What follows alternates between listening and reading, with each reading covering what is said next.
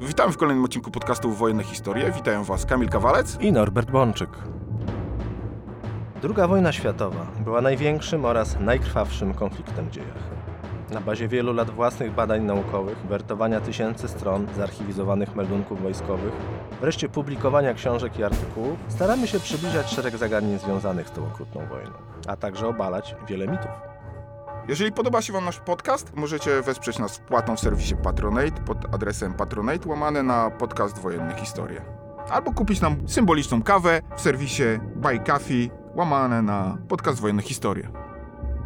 Norbert, wiele naszych odcinków poświęciliśmy już czołgom, broni pancernej, różnego rodzaju. Często skupiamy się na aspektach technicznych, ale dzisiaj chciałbym, żebyśmy porozmawiali o czymś, o czym chyba jeszcze nie rozmawialiśmy w naszych odcinkach. Jak wyglądała tak naprawdę w czasie II wojny światowej rola czołgu na polu walki? Bo z jednej strony te czołgi były gromadzone w wielkie pancerne związki samodzielne, które miały przełamywać front i działać samodzielnie. Z drugiej strony, na przykład Rosjanie, kiedy tych czołgów im brakowało, robili małe batalioniki. Batalioniki to może za duże słowo, bo tam 10-15 czołgów, które miały tylko i wyłącznie wspierać piechotę. Opowiedzmy o tym, jak ewoluowało w czasie II wojny światowej użycie czołgu na polu walki. To jest temat z jednej strony niezwykle fascynujący, z drugiej strony, zresztą jak każdy tego typu temat, złożony, ale można by powiedzieć, że jeżeli chcemy podsumować na początku naszej zresztą rozmowy, takie zrobić małe, wstępne podsumowanie tego, jak ta doktryna czy koncepcja użycia czołgu na polu walki ewoluowała w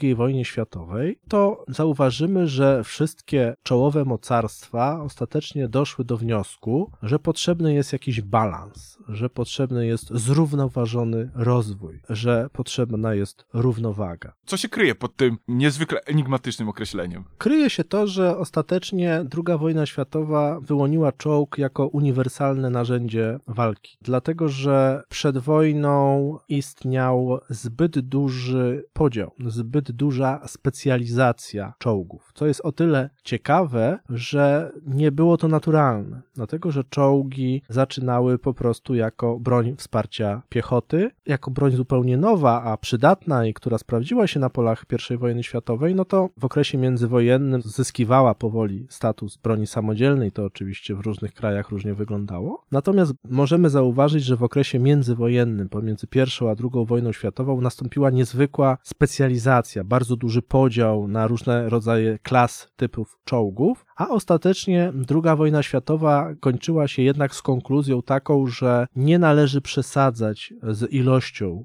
typów czołgów, że tak naprawdę czołg to jest uniwersalne narzędzie walki i najlepszy to jest czołg uniwersalny, który będzie dobry we wszystkim. Czyli troszeczkę można by powiedzieć, że chociaż nie wprost, ale tworzył nam się na polach II wojny światowej stopniowo czołg uniwersalny. Natomiast jakby z początku nie było to takie oczywiste, jak spojrzymy na rok 39 czy rok 40, to dostrzeżemy, że istniało bardzo wiele klas czołgów. Były czołgi oczywiście według podziałów wagowych, czyli na czołgi lekkie, średnie, ciężkie, ale przede wszystkim tak naprawdę podział był taktyczny, czyli funkcja taktyczna determinowała konstrukcję czołgu. Inny czołg służył do rozpoznania, inny czołg służył do wsparcia piechoty na polu walki, a inny czołg miał służyć do wojny manewrowej. Ta koncepcja jednak miała tą wadę, że wymagała projektowania, a następnie produkowania całej masy różnego rodzaju pojazdów pancernych, bo jeżeli spojrzymy na to, no to czołg rozpoznawczy, który właściwie pełnił funkcję tożsamą z samochodem pancernym, tylko dzięki układowi trakcji był bardziej mobilny, mobilny, no to była jedna klasa, czołg lekki, czołg średni, czołg ciężki, czołg przełamania, czołg przeciwko fortyfikacjom,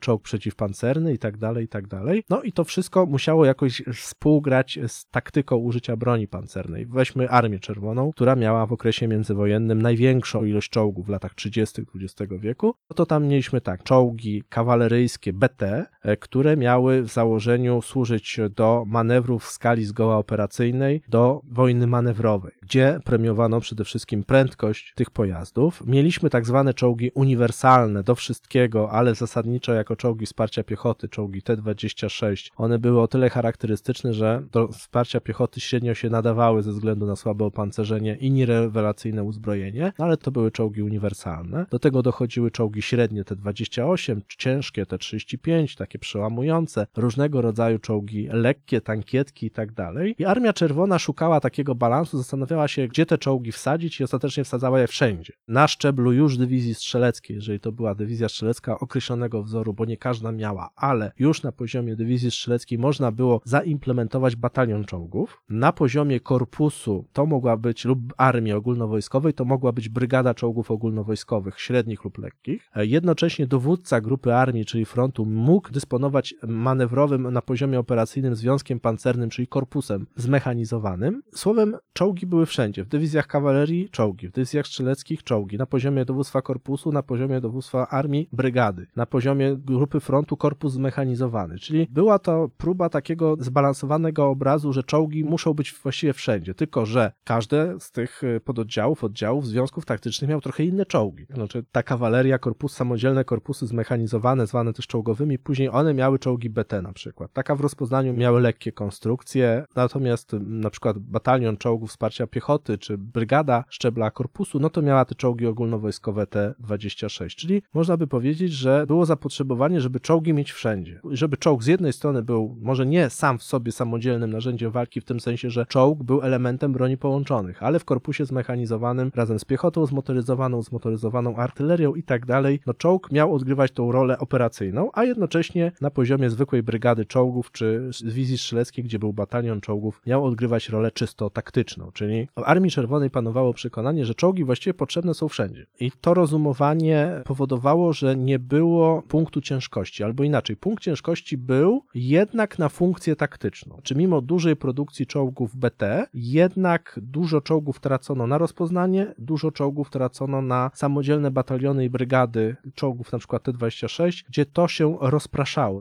Armia Czerwona szukała takiego zbalansowanego systemu, który był zaprzeczeniem tego, co działo się wtedy w Niemczech, a był bardzo podobny ten radziecki model do modelu francuskiego. W modelu francuskim również mieliśmy taką sytuację, że owszem, mieliśmy zmechanizowany jeden korpus kawalerii właściwie. Mieliśmy najpierw jedną, potem dwie, a na końcu trzy dywizje zmechanizowanej kawalerii, ale gros czołgów trafiał do batalionów, które co prawda nie były zintegrowane wprost z dywizjami piechoty, ale właściwie do tego miały służyć. Czyli czołgi miały na poziomie batalionowym służyć do wsparcia piechoty na szczeblu pułku dywizji. Do tego dochodziły brygady czołgów przełamujących, czyli tych czołgów B1, które jakby funkcjonowały na szczeblu brygady, ale miały być przydzielane powiedzmy przez dowództwo korpusu lub armii, a jeszcze dodatkowo do jakichś tam samodzielnych działań był ten korpus kawaleryjski. W armii francuskiej i armii radzieckiej to było dosyć podobne, tylko kwestia skali była oczywiście odmienna, bo Rosjanie tych czołgów produkowali nieporównywalnie więcej, a Niemcy inaczej. Niemcy, mając mało czołgów, postawili na coś innego, bo oni również zakładali, że musi być zbilansowany system broni pancernej na polu walki. Można by powiedzieć, że troszkę z biedy, trochę też z braku czasu, bo jednak ta prędkość budowy niemieckich wojsk pancernych w latach 30. była tak szybka, że po prostu Niemcy nie zdążyli w 39 czy 40 roku wystawić tego wszystkiego jak chcieli, więc częściowo z musu, częściowo z chęci oni zgrupowali właściwie wszystkie swoje czołgi w związkach taktycznych, a te związki taktyczne wykorzystywali zgoła w operacyjnym rozmachu. Czyli w 1939 czy 1940 roku wydawało się wtedy, że to niemiecka szkoła ma rację, to znaczy wszystkie czołgi do dywizji pancernych, wszystkie czołgi do dywizji zmechanizowanych, grupować wszystko tylko w związkach taktycznych broń połączonych i to wtedy jakby uzyskujemy najlepszy efekt. To się oczywiście w tych pierwszych latach wojny rzeczywiście sprawdzało. Armia Czerwona była pod wielkim wrażeniem sukcesów niemieckich, zwłaszcza powalenia Francji i wówczas w roku 40 nastąpiła taka reforma strukturalna w Armii Czerwonej, że nie, nie będziemy mieli już tych setek samodzielnych batalionów czołgów, tych dziesiątek brygad wsparcia piechoty, tego rozrzucenia takiego zbalansowanego elementu, ale z punktem ciężkości jednak na poziomie taktycznym, że czołg jest jednak bardziej taktyczny niż operacyjny i zaczęli grupować swoje czołgi w 60 dywizjach pancernych, w 30 dywizjach zmotoryzowanych, no bo mieli taką koncepcję, żeby wystawić 30 wielkich zmechanizowanych korpusów, czyli zaczęli odchodzić z tego zbalansowanego modelu na rzecz takiego zgrupowania wszystkich czołgów w dywizjach pancernych. Dlaczego tak milczenie pomijasz Brytyjczyków, ojców broni pancernej? Dodatkowo przecież ich teoretycy w latach dwudziestych odegrali też niemałą rolę w rozwoju koncepcji użycia broni pancernej, a tutaj z twojej strony taka cisza. Można by powiedzieć, że to troszeczkę kwestia skali. Jak porównamy jednak wielkość niemieckich, radzieckich czy francuskich wojsk pancernych w tym roku 39 czy 40, to mimo pełnej mechanizacji i bardzo dużego zaawansowania armii brytyjskiej, ona była jednak nieporównywalnie mniejsza. Pod tym względem powiedzmy, że to mówimy o kwestii orzędzie wielkości. Natomiast oczywiście tak, Brytyjczycy mieli zresztą tutaj koncepcję taką samą troszkę jak Francuzi i jak Rosjanie, w tym sensie taką samą, że szukali zbalansowanego systemu. To znaczy zbalansowany system oznaczał, że są osobno czołgi manewrowe przeznaczone dla dywizji pancernych i te dywizje pancerne wykonują samodzielne działania formalnie w taktycznej skali, de facto o charakterze operacyjnym, a z drugiej strony mamy bataliony czołgów czy pułki pancerne bezpośrednio przeznaczone do wsparcia piechoty. Stąd w armii brytyjskiej istniał ten podział na czołgi piechoty i na czołgi kawaleryjskie, czy na czołgi dla większych jednostek pancerno-zmechanizowanych i można by powiedzieć, że Brytyjczycy, którzy rzeczywiście w latach dwudziestych byli prekursorami rozwoju wojsk zmechanizowanych, koncepcji brygady pancernej, brygady zmechanizowanej, sformułowali potem koncepcję w ogóle całkowicie zmechanizowanych wojsk lądowych, ale oni jednak w latach 30. przechodzili tutaj pewien regres, bo czym innym teoria, a czym innym praktyka.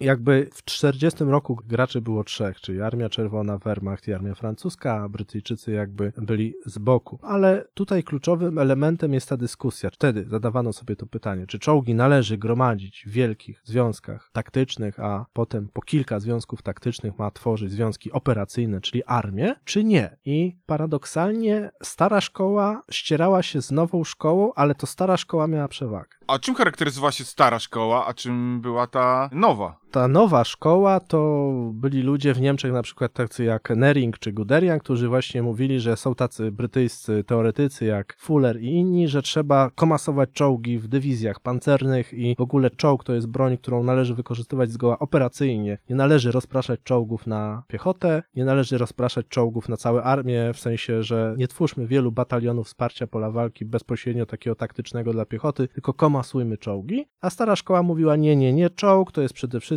narzędzie wsparcia piechoty na polu walki, czyli bataliony czy brygady z czołgami wspierające korpusy piesze, to jest podstawa, to jest najważniejsze. W Niemczech zupełnie przez przypadek stało się tak, jak się stało, to znaczy nagle w tym 39 czy w 40 roku okazało się, że ta koncepcja operacyjnego wykorzystania wielkich mas czołgów się sprawdza. To znaczy nagle się okazało, że ci orędownicy nowej szkoły mają rację, ale to nie znaczyło, że w Niemczech to zostało przyjęte na zasadzie tak jest i koniec, że dyskusja zamarła, wprost przeciwnie. Stara szkoła po prostu nie dlatego pozwoliła nowej szkole w Wehrmachcie na takie, a nie inne używanie czołgów w 39 czy 40 roku, tylko dlatego, że po prostu nie zdążyli wprowadzić własnych rozwiązań. Czyli ludzie tacy jak generał Manstein nie zdążyli po prostu jeszcze wprowadzić swoich koncepcji, kiedy Guderian już swoje koncepcje wprowadzał i testował na polu walki. Czyli tutaj oczywiście nawiązanie do odcinka o Sztugu, czyli działo szturmowe niemieckie to jest po prostu niemiecki czołg do bezpośredniego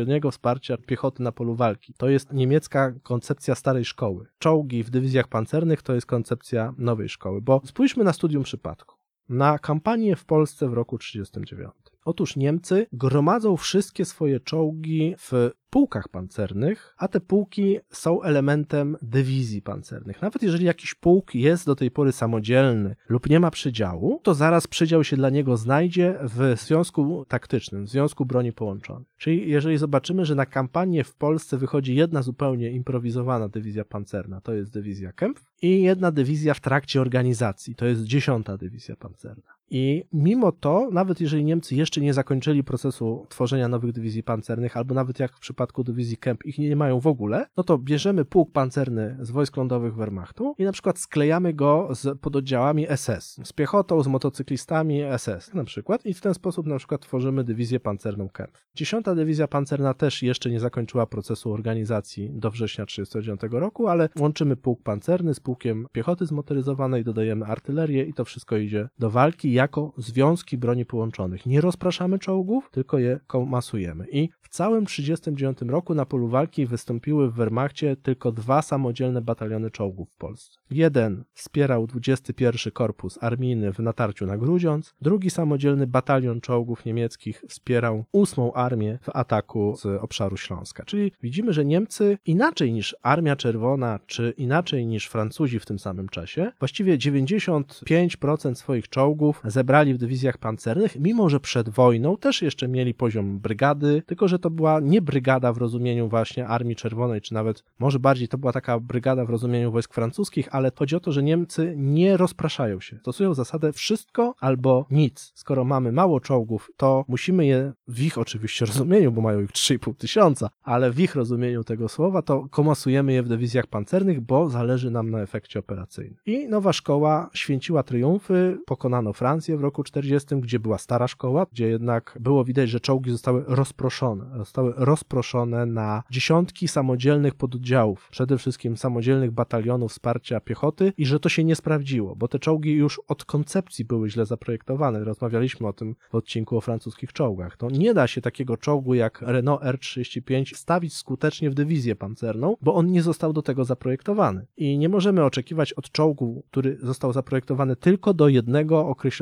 zadania i ma niezwykle ściśle określone funkcje taktyczne, nie możemy oczekiwać, że to będzie dobry czołg dywizji pancernej, bo on nie ma zasięgu, bo on ma krótki okres międzyremontowy, bo on ma złe uzbrojenie do zadań, jakie postawi mu się w dywizji pancernej, po prostu będzie mniej uniwersalny, bo nie ma radia i tak dalej, i tak dalej. Słowem, wydawało się, że ta niemiecka szkoła to jest właśnie to, że to święci triumfy i dlatego właśnie w kierownictwie Armii Czerwonej pod wpływem szoku klęski francuskiej zupełnie odrzucono całą tą ideę powiedzmy starej szkoły, czy raczej takiego eklektycznego systemu w Armii Czerwonej, gdzie stara szkoła i nowa szkoła funkcjonowały obok siebie, bo tam były korpusy zmechanizowane i to od początku lat 30., a z drugiej strony mieliśmy mnóstwo samodzielnych batalionów, były bataliony integralne w związkach taktycznych piechoty czy kawalerii, mieliśmy brygady tak jak już wspomniałem. W związku z czym oni nagle zaczęli tworzyć te 61 dywizji dokładnie pancernych, 30 dywizji zmotoryzowanych, które były zmechanizowane, bo one miały pułk pancerny, czyli to były dywizje zmotoryzowane, a de facto zmechanizowane. Oczywiście robiono to troszkę bez ładu i składu i jak Niemcy uderzyli w 41 roku, to to się wszystko posypało, bo to nie chodzi o to, że masz 25 tysięcy czołgów, musisz mieć system. System jest ważniejszy niż liczba czołgów, które posiadasz. To znaczy, jak masz jedną dywizję, która działa dobrze w systemie, to ona jest bardziej wydajna niż kilka dywizji, które nie działa w systemie, bo one po prostu nie będą w stanie skutecznie, efektywnie walczyć, a ty możesz. To jest element kluczowy, że Niemcy w 41 roku uderzyli na Związek Radziecki znowu komasując swoje czołgi przede wszystkim w dywizjach pancernych, ale już wówczas ta tak zwana stara szkoła powoli, powoli, powoli, krok po kroku jednak zdobywała pole. Dlatego, że pojawiły się już w roku 41 w Wehrmachcie w nieco większych ilościach samodzielne bataliony czołgów. Czyli jeżeli w kampanii polskiej wystąpiły dwa takie samodzielne bataliony, w kampanii francuskiej w sumie pomijam batalion specjalny dla Norwegii, ale wystąpiły w sumie cztery takie samodzielne bataliony czołgów. Stopniowo w 1941-1942 roku zaczęła rosnąć liczba samodzielnych batalionów czołgów, które w większości maskowały się jako dywizjony działów szturmowych. No bo działo szturmowe sensu stricte, można powiedzieć, było czołgiem i nie było zarazem czołgiem. Definicję czołgu spełniało, bo przypominam, że w II wojnie światowej nie trzeba było mieć wieży, żeby być czołgiem, ale oczywiście przyjmowano, że zasadniczo czołgi wieże mieć powinny, dlatego działa szturmowe nie były częścią broni pancernej, między innymi dlatego, żeby ta nowa szkoła z broni pancernej nam czołgów nie zabierała, to my je skierowaliśmy do artylerii. To takie niemieckie zawiłości. To może wyjaśnijmy naszym słuchaczom, którzy na przykład nie słuchali odcinka o Sturmgeszycach, że po prostu działa pancerne w Wehrmachcie podlegały dowództwu artylerii, nie, nie wojsk pancernych. Tak jest Kamilu. Nie podlegały pod Panzertruppen, tylko podlegały pod artylerię, w związku z czym to był inny rodzaj wojsk, co wbrew pozorom miało istotne znaczenie pod względem kompetencyjnym, w zakresie szkolenia i tak dalej. To znaczy każdy rodzaj wojsk ciągnął w swoją stronę. I można by powiedzieć, że w tym 1941 roku wydawało się, że ta niemiecka koncepcja absolutnie triumfuje. Tylko, że ona zaczęła się najpierw rozpadać w Armii Czerwonej, no bo Rosjanie zgromadzili to wszystko w tych korpusach zmechanizowanych, to im się wszystko rozleciało. Stracili w pół roku ponad 20 tysięcy czołgów i zaczęli rozwiązywać związki taktyczne oparte o czołgi, czyli dywizje pancerne były rozwiązywane i były zastępowane batalionami i brygadami samodzielnymi, czyli innymi słowy Armia Czerwona musiała wrócić troszkę do korzeni. Musiała zaakceptować to, że chwilowo trzeba desperacko się bronić, a najważniejszym elementem na polu walki jest dywizja strzelecka, czyli dywizja piechoty i my musimy przede wszystkim wspierać nasze dywizje piechoty. Nie mamy takiego systemu łączności, nie mamy takiej logistyki, żeby móc operować wielkimi związkami taktycznymi, a już nie mówiąc o operacyjnych, opartych o wojska zmechanizowane, czyli przeszliśmy do twardej, desperackiej obrony, no to czołgi po prostu do piechoty, do piechoty.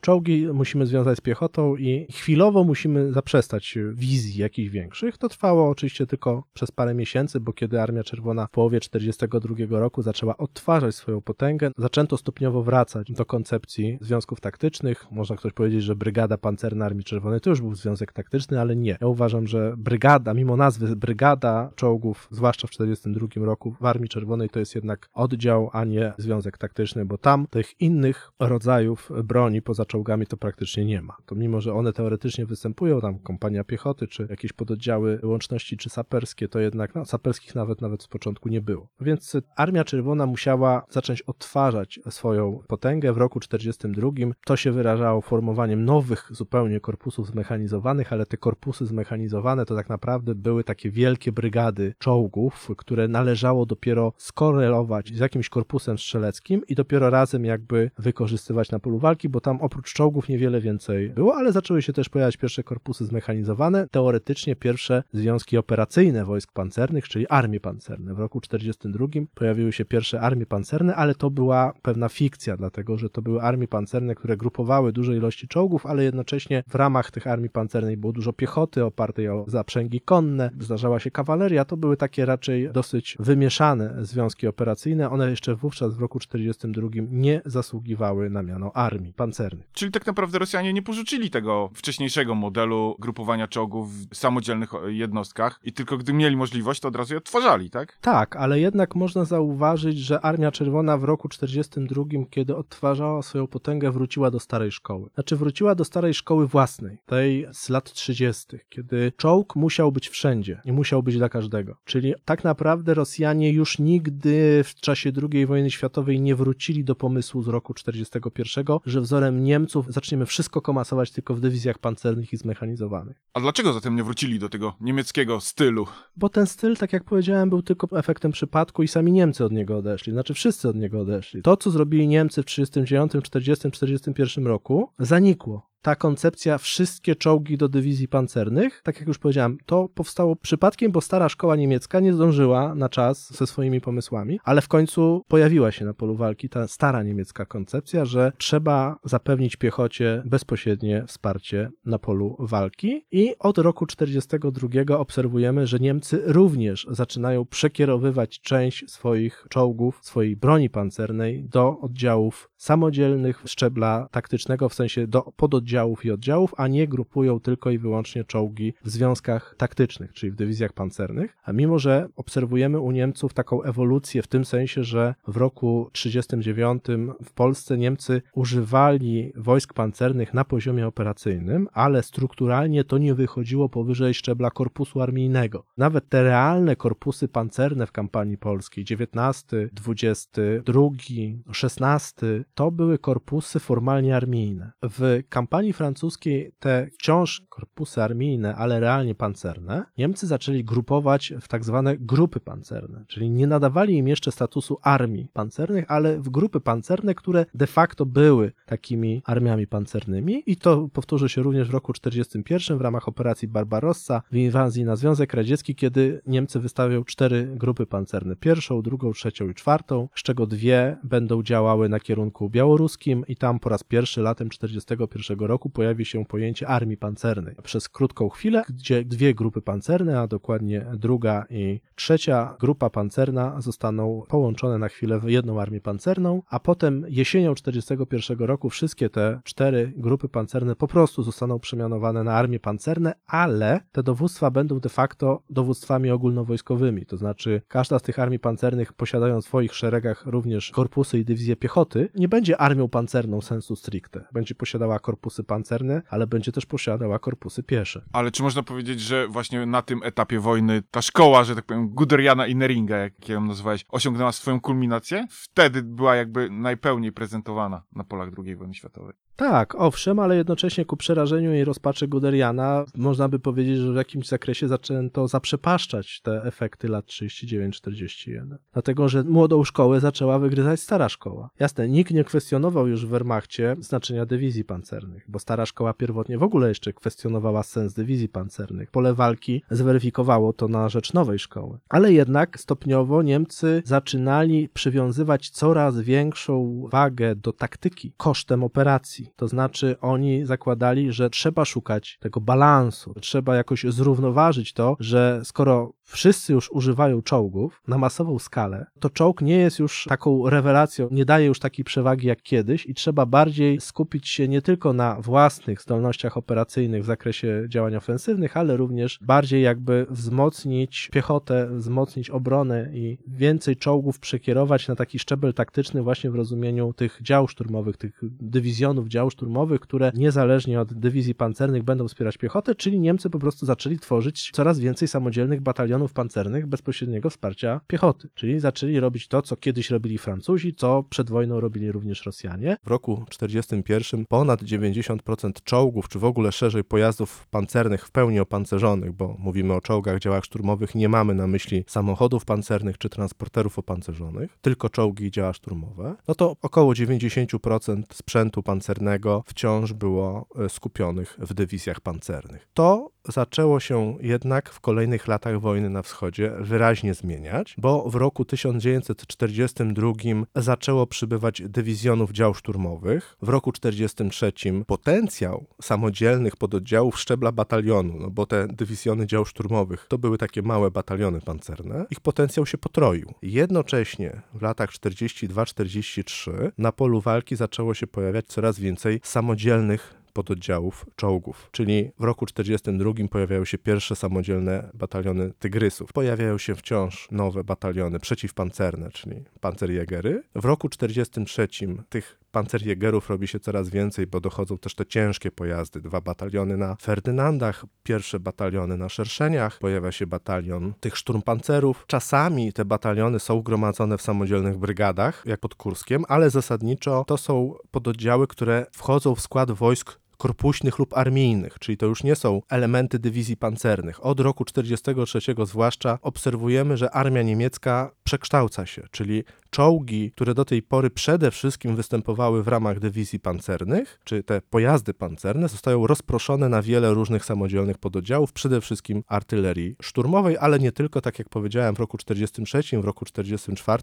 coraz więcej jest tych samodzielnych batalionów różnego typu. Czy to są bataliony tygrysów, szerszeni, czy to są bataliony pancerjägerów na Marderach, które na przykład pełnią funkcję batalionu przeciwpancernego odwodu dowództwa danego korpusu. No, od początku roku 44 ta atomizacja niemieckiej broni pancernej pogłębia się jeszcze bardziej, ponieważ zgodnie z nowymi etatami działa szturmowe wchodzą na wyposażenie każdej niemieckiej dywizji piechoty, czyli według etatu 10 lub 14 pojazdów musi trafić do każdej niemieckiej dywizji piechoty, a no, stosunek dywizji piechoty do dywizji pancernych w armii niemieckiej to wynosi w zależności od tego, jak to liczymy 6, 8 lub 10 do 1, w zależności jak to liczymy, dlatego że od roku 42 do dywizji piechoty zmotoryzowanej, potem późniejszych dywizji grenadierów pancernych również zostają dołączone pojedyncze bataliony czołgów, no w związku z czym w coraz większej liczby dywizji te bataliony są, ale tych batalionów w określonych dywizjach jest już relatywnie mało, jeden lub dwa, o różnej zresztą strukturze. Ale jak zobaczymy na armię niemiecką w roku 44,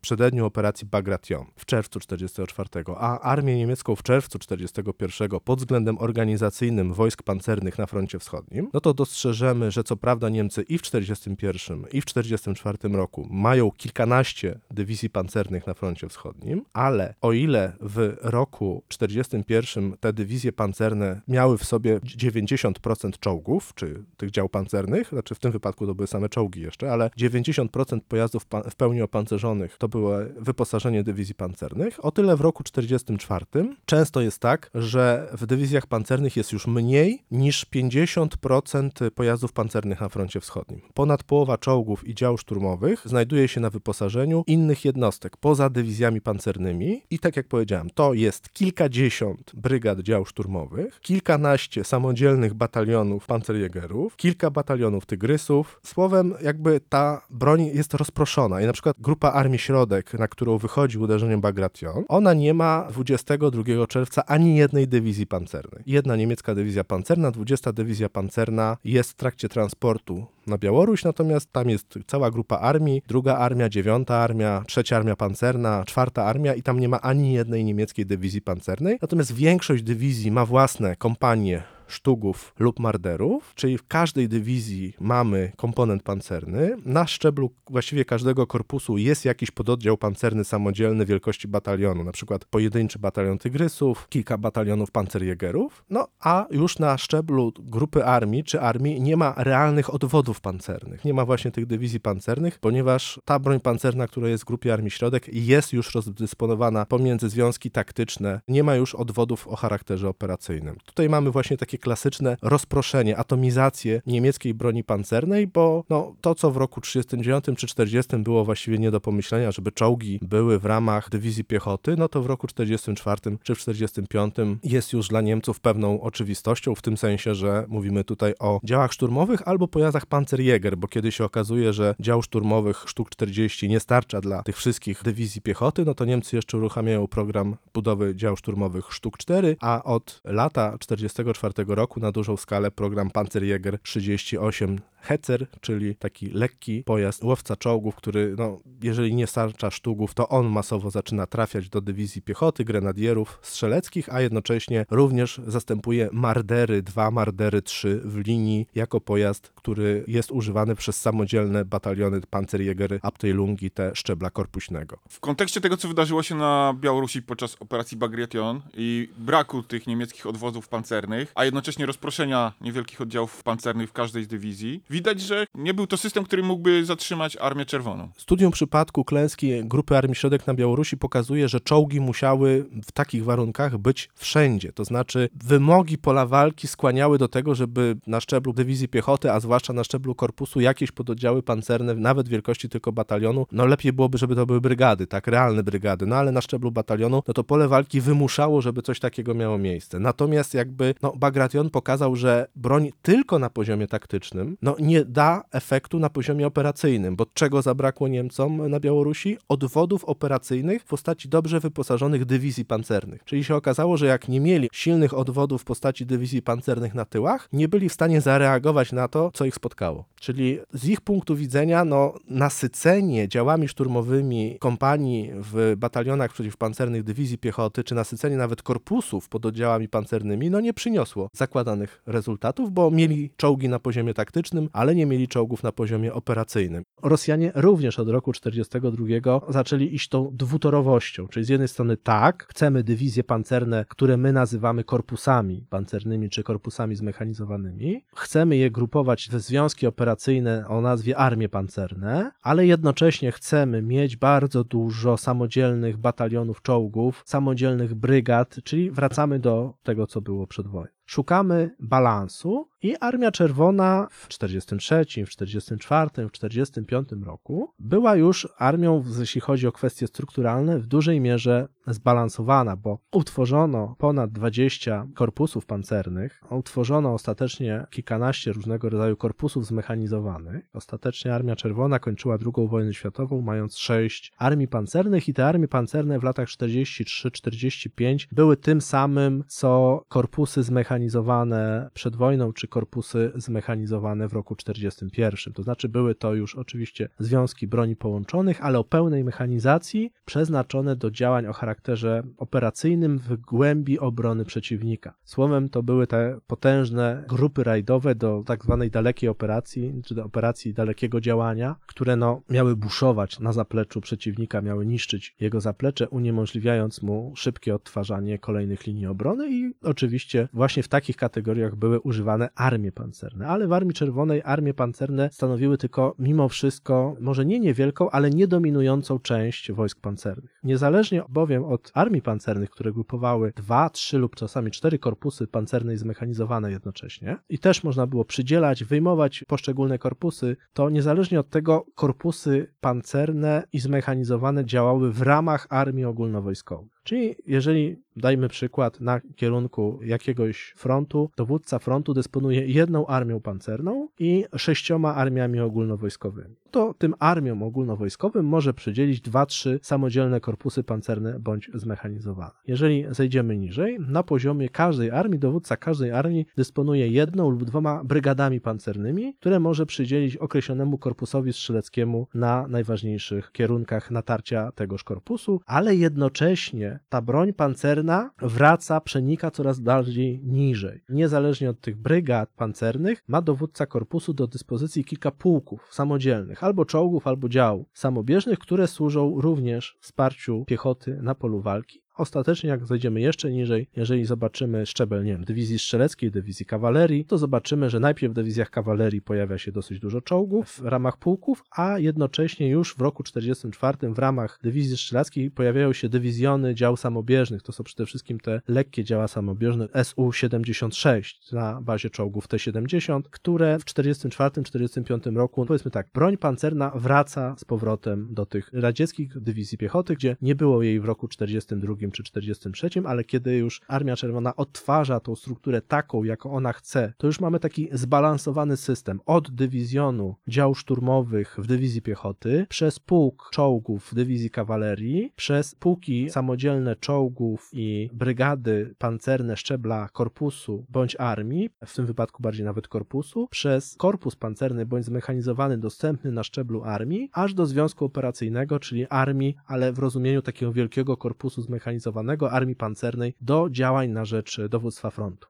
Ale jednocześnie, z tego co widzę, to o ile u Rosjan e, te związki pancerne dalej potrafią pełnić rolę operacyjną, czyli te wielkie armie pancerne, to jednocześnie u Niemców chyba nie widać tego. Jakby jest zanik tej funkcji operacyjnej czołgu, który jest de facto sprowadzony albo do tych dywizjonów dział pancernych, albo do dywizji pancernych, które też nie pełnią już chyba roli operacyjnej. Zgadza się, ale to wynika z tego, że po prostu w dywizjach pancernych, które mogłyby pełnić rolę operacyjną, po prostu obserwujemy zanik czołgów. Znaczy, tym dywizjom po prostu zaczyna brakować czołgów. I jakby to ogranicza ich przebojowość, to ogranicza ich możliwości operacyjne i sprowadza je do roli takiej już czysto taktycznej. Chociaż Niemcy nadal jakby sprawnie operują tymi swoimi dywizjami pancernymi, no u nich dywizja pancerna jest związkiem broni połączonych, gdzie czołg jest jednym z wielu elementów, ale już na przykład, nie wiem, weźmiemy korpus pancerny w armii niemieckiej. No korpus pancerny jest mimo wszystko już tylko dowództwem ogólnowojskowym. Znaczy korpus pancerny może się składać tylko z dywizji pancernych, ale równie dobrze to dowództwo może się składać z samych dywizji piechoty. Podobnie armia pancerna, czyli w Niemczech zanika pojęcie armii pancernej w takim rozumieniu, w jakim istniało w czasach istnienia grupy pancernej w 40 czy w 41 roku. Czyli chcesz powiedzieć, że te dywizje pancerne po prostu są za słabe? Mają za mało czołgów? No myślę, Kamilu, że dla każdego uważnego słuchacza naszego podcastu nie stanowi to żadnego zaskoczenia, że tak właśnie jest. Po prostu te dywizje pancerne mają za mało czołgów. Czasami jest tak, że w dywizji pancernej zostaje jeden batalion czołgów, więc masz cztery bataliony piechoty, masz batalion saperów, masz dywizjon rozpoznawczy, masz cztery dywizjony albo trzy dywizjony artylerii, masz batalion łączności, masz batalion przeciwpancerny i jeden batalion czołgów. Z punktu widzenia innych państw, to trzeba byłoby powiedzieć, że to są związki zmechanizowane albo zgoła zmotoryzowane, ale nie pancerne. No jeżeli piechota przeważa nad czołgami liczbą batalionów 4 do 1, to dlaczego mamy to nazywać dywizją pancerną? Tak naprawdę nawet w 100% wyposażona niemiecka dywizja pancerna w roku 44, gdzie są dwa bataliony czołgów w pułku i cztery bataliony grenadierów w dwóch pułkach grenadierów pancernych, to jest stosunek piechoty do czołgów 2 do 1, to to jest dywizja zmechanizowana, a nie dywizja pancerna. Odwrotnie jest u Rosjan. U Rosjan jak coś jest czołgowe, czyli pancerne, to to czołgów musi być co najmniej 2 do 1 albo 3 do 1 w stosunku do piechoty, a jak jest odwrotnie, to mamy właśnie brygadę lub korpus zmechanizowany, bo w Armii Czerwonej mamy takie analogii, gdzie nazywają się brygady lub korpusy zmechanizowane, gdzie właśnie jest więcej piechoty, a czołgów jest mniej. No i znowu następuje ten moment, że muszę spytać o tych Brytyjczyków, ale chyba nawet bardziej o Amerykanów, bo tam nie ma na przykład korpusu pancernego. Tam funkcjonują tylko dywizje pancerne. Jak to wygląda w tej najpotężniejszej armii II wojny światowej. W najpotężniejszej armii II wojny światowej, czyli w armii amerykańskiej, wojska lądowe były kopciuszkiem. Pamiętaj, że w porównaniu do części armii, która latała i tej części sił zbrojnych, która pływała, to była ta najmniej istotna część amerykańskiego komponentu bojowego. I pytasz, jak to wyglądało Amerykanów. No, Amerykanie można by powiedzieć, że przyjęli najlepsze niemieckie wzorce z lat 40-41, a potem dodali własne doświadczenia, no i doświadczenia w ogóle II wojny światowej. I tak jak wszyscy, oni szukali balansu. Rzeczywiście, w armii amerykańskiej w II wojnie światowej nie masz czegoś takiego korpus pancerny. Masz korpus ogólnowojskowy, tak samo jak Niemcy w 1939 roku formalnie nie mieli czegoś takiego jak korpus pancerny. Ale to nie zmienia faktu, że jak idą na ciebie dwie dywizje pancerne sparte dwoma dywizjami zmotoryzowanymi, to idzie na ciebie korpus pancerny. Z armią amerykańską było bardzo podobnie, tylko że rzeczywiście Amerykanie szukali balansu. I to jest bardzo ciekawa struktura armii amerykańskiej, dlatego że Amerykanie wystawili w Europie do walki, skierowali kilkanaście dywizji pancernych. To jest dużo. Ale dominowała oczywiście piechota, znaczy dywizje piechoty. I czołg w armii amerykańskiej miał pełnić rolę zbilansowaną, znaczy miał być narzędziem walki, które używa się w sposób zbilansowany, czyli mamy dywizje pancerne, które w jakimś zakresie tak naprawdę są dywizjami zmechanizowanymi, gdzie piechota i czołgi powinny mniej więcej działać na podobnym poziomie. Tak? Tu Amerykanie są mistrzami tworzenia tych swoich combat command, czyli takich zespołów zadaniowych, trochę jak niemieckie Kampfgruppe, tylko że tu jest bardziej ustalona od góry struktura, czyli Amerykanie mają w dywizji kilka batalionów czołgów, kilka batalionów piechoty zmechanizowanej i to po prostu łączą w te combat command i każda amerykańska dywizja pancerna na polu walki tak naprawdę przekształca się w trzy samodzielne brygadowe grupy bojowe, z czego dwie mają walczyć na pierwszej linii, a trzecia ma być odwody. W związku z czym tak naprawdę dowódca dywizji ma koordynować de facto walkę trzech samodzielnych brygad, czy raczej zespołów brygadowych, bo to nie są brygady sensu stricte. Więc mamy dywizje pancerne, a niezależnie od tego mamy samodzielne pododdziały pancerne szczebla batalionu właśnie. Czyli mamy samodzielne bataliony czołgów, no i mamy coś takiego jak bataliony niszczycieli czołgów, czyli po prostu samobieżne bataliony przeciwpancerne. Amerykanie pod tym względem ostatecznie w roku 44 czy 45 jakoś specjalnie bardzo od Niemców i Rosjan nie będą się różnić. Różnica będzie przede wszystkim w większej elastyczności. Niemcy są elastyczni na polu walki, ale oni mają tą elastyczność w oparciu o improwizację. Natomiast amerykańska elastyczność na polu walki jest już założona strukturalnie. To znaczy oni z góry zakładają, że ich związki taktyczne wojsk pancernych nagle się będą rozpadać na takie mniejsze zespoły, co nie oznacza, że nie będą ze sobą współdziałać i zsynchronizowane nie będą, bo to jedno drugiemu nie zaprzecza. Ale amerykańska dywizja pancerna jest w jakimś zakresie też podobna do dywizji zmechanizowanej. No i tak jak powiedziałem, mamy samodzielne bataliony czołgów, mamy bataliony niszczycieli czołgów, mamy dywizje pancerne. W armii brytyjskiej mamy dywizje pancerne i mamy również jednostki szczebla brygadowego, dlatego że tam jakby nadal obowiązuje zasada, że mamy czołgi do operacji kawaleryjskich, manewrowych i możemy też zgrupować się w związkach taktycznych, czyli w dywizjach pancernych, a niezależnie od tego wystawiamy do walki brygady, które czasami taka brygada może wystawić do walki jeden batalion w ramach pułku na polu walki, że po prostu pododdziały czy oddziały do wsparcia piechoty. Więc w armii brytyjskiej mamy wyraźne rozróżnienie na czołgi piechoty, które jednak występują na poziomie brygadowym. To jest takie nawiązanie trochę do armii francuskiej w roku 40. Brytyjczycy niosą dalej tą wizję francuską z czołgiem pola walki takim jak Char B1 bis i to jest czołg Churchill.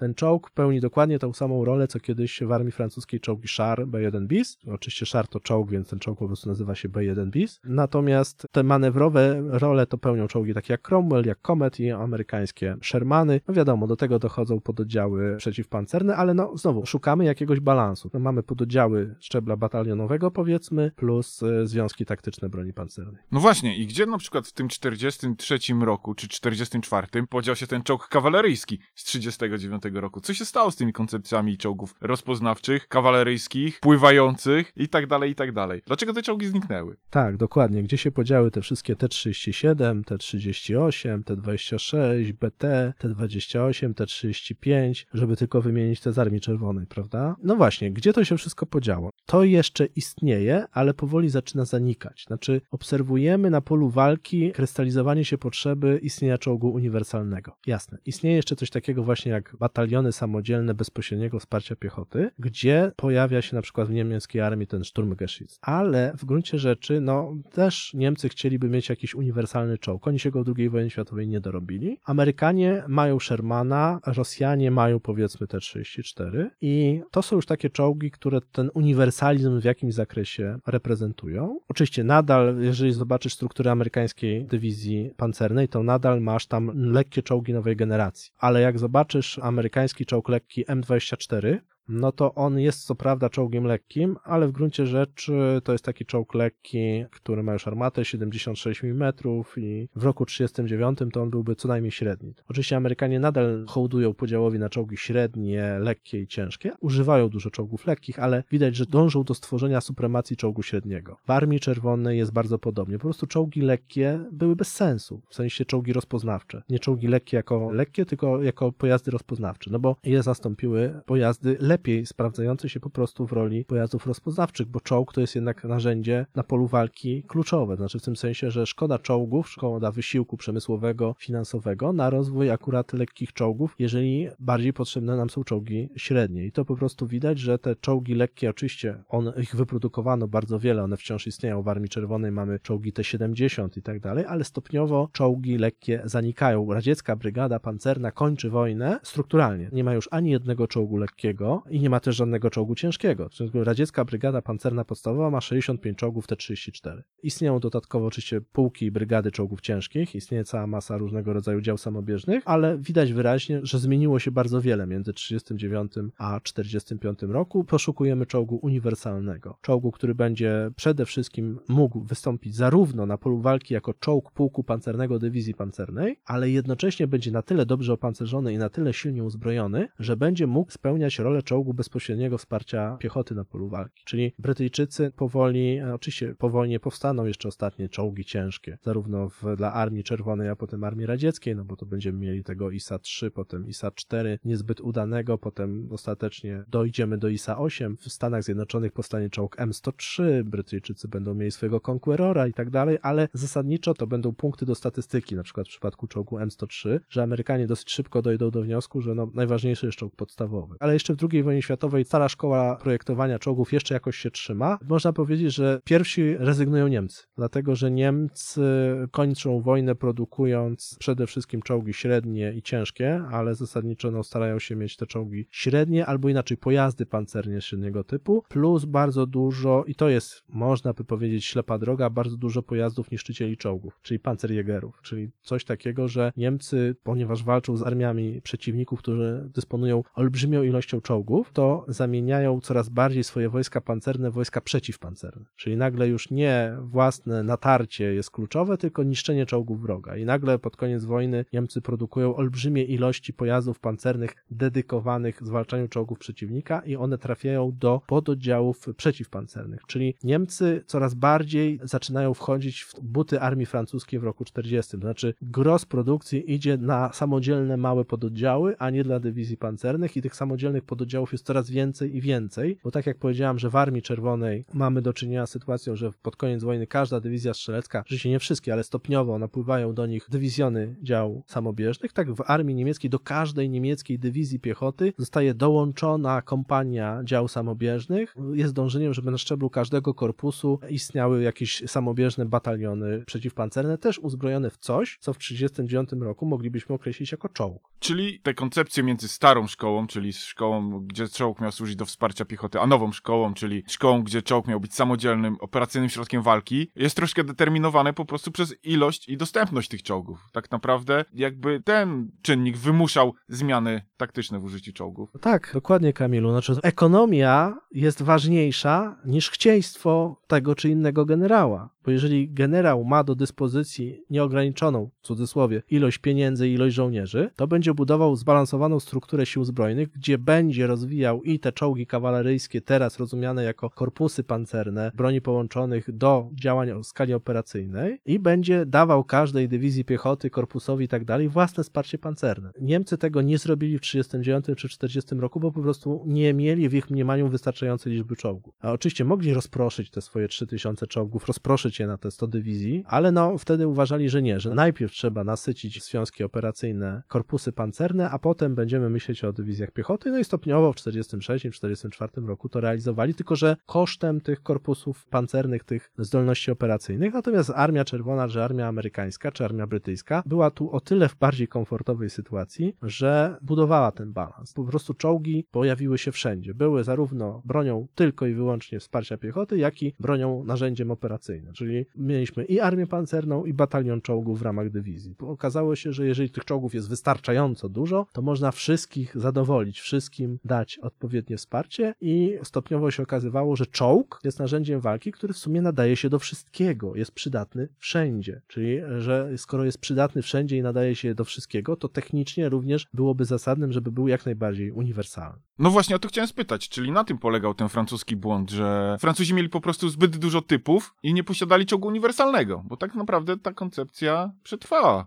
II wojnę światową. Przy założeniu, że zamiast czołgów Char 1 bis, R-35 czy Hotchkiss mamy jeden czołg T-34 na przykład. To znaczy i tak, i nie, bo jeżeli spojrzymy na armię mocarstw w II wojnie światowej, to można by powiedzieć, że armia francuska w roku 40, oczywiście zgadzają się z tobą w pełni, że no po prostu mieli złe czołgi. Gdyby mieli lepsze czołgi techniczne, to mogliby tworzyć kilka dywizji pancernych i jakoś je sensowniej wykorzystać, a tak się okazało, że nie mogą za bardzo tego zrobić, bo tak jak powiedziałem, no taki R-35 do dywizji pancernej w ogóle się nie nadawał. Natomiast y, jednak w armii francuskiej liczba związków taktycznych zmechanizowanych była jednak zdecydowanie zbyt niewielka w stosunku do samodzielnych batalionów. W armii francuskiej tak właśnie było, natomiast w armii amerykańskiej pod koniec wojny, czy w armii czerwonej, jednak liczba związków zmechanizowanych, czy liczba czołgów w tego typu związkach taktycznych była trochę wyższa niż w armii francuskiej w roku 1940. Czyli innymi słowy, armia amerykańska no jednak miała kilkanaście dywizji pancernych, a Francuzi tak naprawdę mieli trzy dywizje zmechanizowane w 1940 roku i trzy dywizje pancerne, które były tak naprawdę brygadami, a nie dywizjami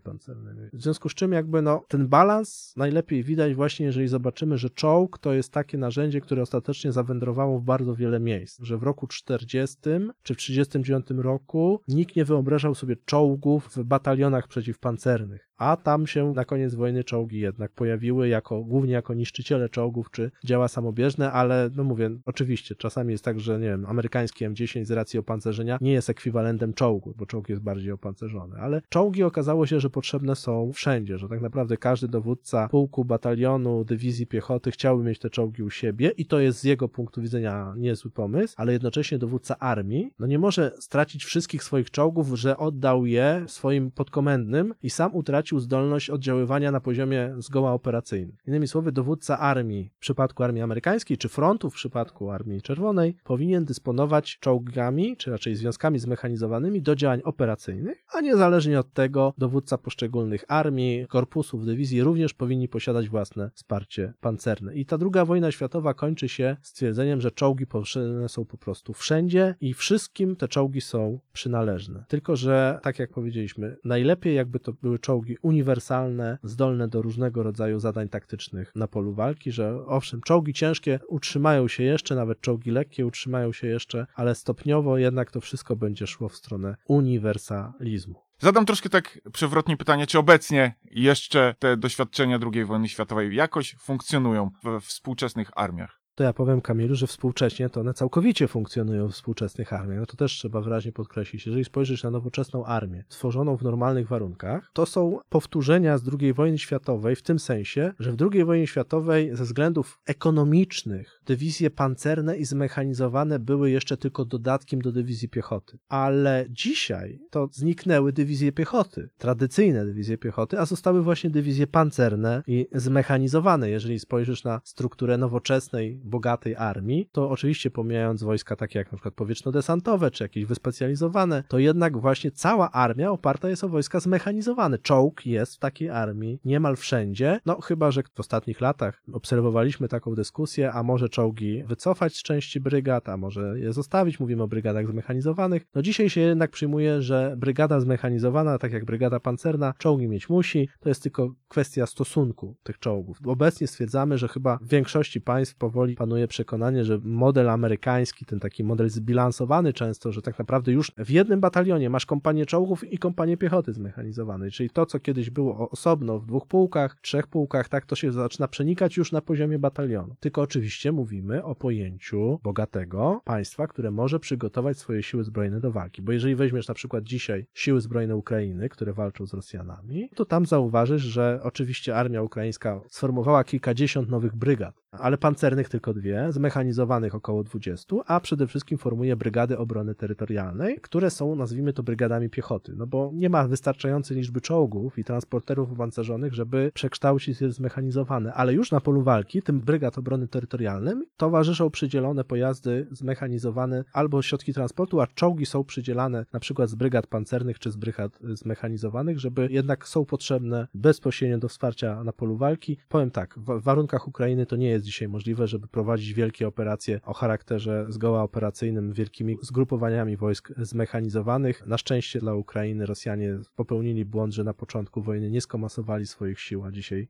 płacą za to wysoką cenę. Natomiast twoje pytanie tak, że związki ogólnowojskowe dzisiaj opierają się o wojska zmechanizowane, czyli można by powiedzieć o piechotę, która używa takich własnych niby bojowych wozów piechoty albo transporterów opancerzonych, plus korzysta ze wsparcia czołgów, czyli no jako żywo technika idzie do przodu, ale organizacyjnie dowódca dywizji pancernej z II wojny światowej, czy to niemiecki, czy to amerykański, odnalazłby się w współczesnych czasach bardzo, moim zdaniem, swobodnie. Czułby się jak u siebie w domu, musiałby się nauczyć nowych środków komunikacji, ale nie przesadzajmy, to nie jest aż taki postęp, żeby dowódcy z II wojny światowej nie poradzili sobie dowodząc współczesnymi związkami zmechanizowanymi.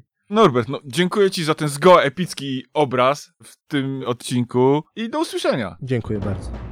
Dziękujemy za to, że byliście dzisiaj z nami. Czekamy na uwagi o tym odcinku zarówno na Facebooku, jak i na Instagramie, jak też i na YouTubie. Wszędzie tam możecie nas znaleźć wpisując naszą nazwę, czyli Podcast Wojenne Historie. Dziękujemy Wam bardzo również za wsparcie, jakiego udzielacie nam w serwisie Patronate. To dla nas niesamowita sprawa i daje nam to niezwykłego kopa do dalszego działania. Bardzo za to dziękujemy i do usłyszenia do następnego odcinka.